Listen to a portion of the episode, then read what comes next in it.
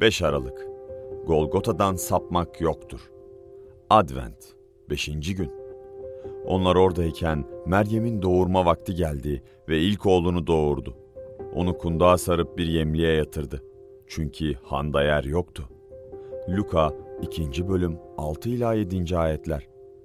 Eğer Tanrı dünya imparatorluğuna bir tek Meryem'i ve Yusuf'u Beytlehem'e getirmek üzere hükmediyorsa oradaki handa yer olmasını da sağlayabilirdi diye düşünebilirsiniz. Evet, sağlayabilirdi. Kesinlikle sağlayabilirdi. Ayrıca İsa varlıklı bir aileye de doğabilirdi. Çölde geçirdiği zamanda taşı ekmeğe çevirebilirdi. Getsemani'de yardımına on bin meleği çağırabilirdi. Çarmıhtan inip kendini kurtarabilirdi. Soru Tanrı'nın ne yapabildiği değil, ne yapmayı istediğidir. Tanrı'nın isteği Mesih'in zengin olmasına rağmen sizin uğrunuza yoksul olmasıydı. Tüm Beytlehem pansiyonlarındaki yer yok yazısı sizin içindi.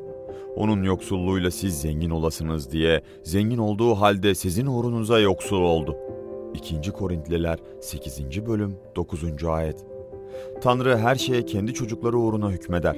Hatta otel kapasitelerine ve uygun Airbnb odalarına bile. Golgota yolu Betlehem'deki bir yer yok yazısıyla başlar ve Yeruşalim'deki çarmıhta tükürme ve alaylarla biter. Ayrıca İsa'nın şöyle dediğini de unutmamalıyız. Ardımdan gelmek isteyen kendini inkar etsin. Her gün çarmıhını yüklenip beni izlesin.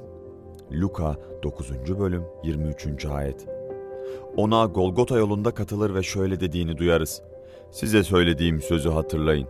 Köle efendisinden üstün değildir. Bana zulmettilerse size de zulmedecekler. Yuhanna 15. bölüm 20. ayet. Nereye gidersen senin ardından geleceğim diye hevesle bağırana İsa şöyle cevap verir. Tilkilerin ini, kuşların yuvası var. Ama insanoğlunun başını yaslayacak bir yeri yok. Luka 9. bölüm 57 ila 58. ayetler. Evet, Tanrı İsa'nın doğumu sırasında bir odaya sahip olmasını sağlayabilirdi. Ama bu Golgota yolundan sapmak olurdu.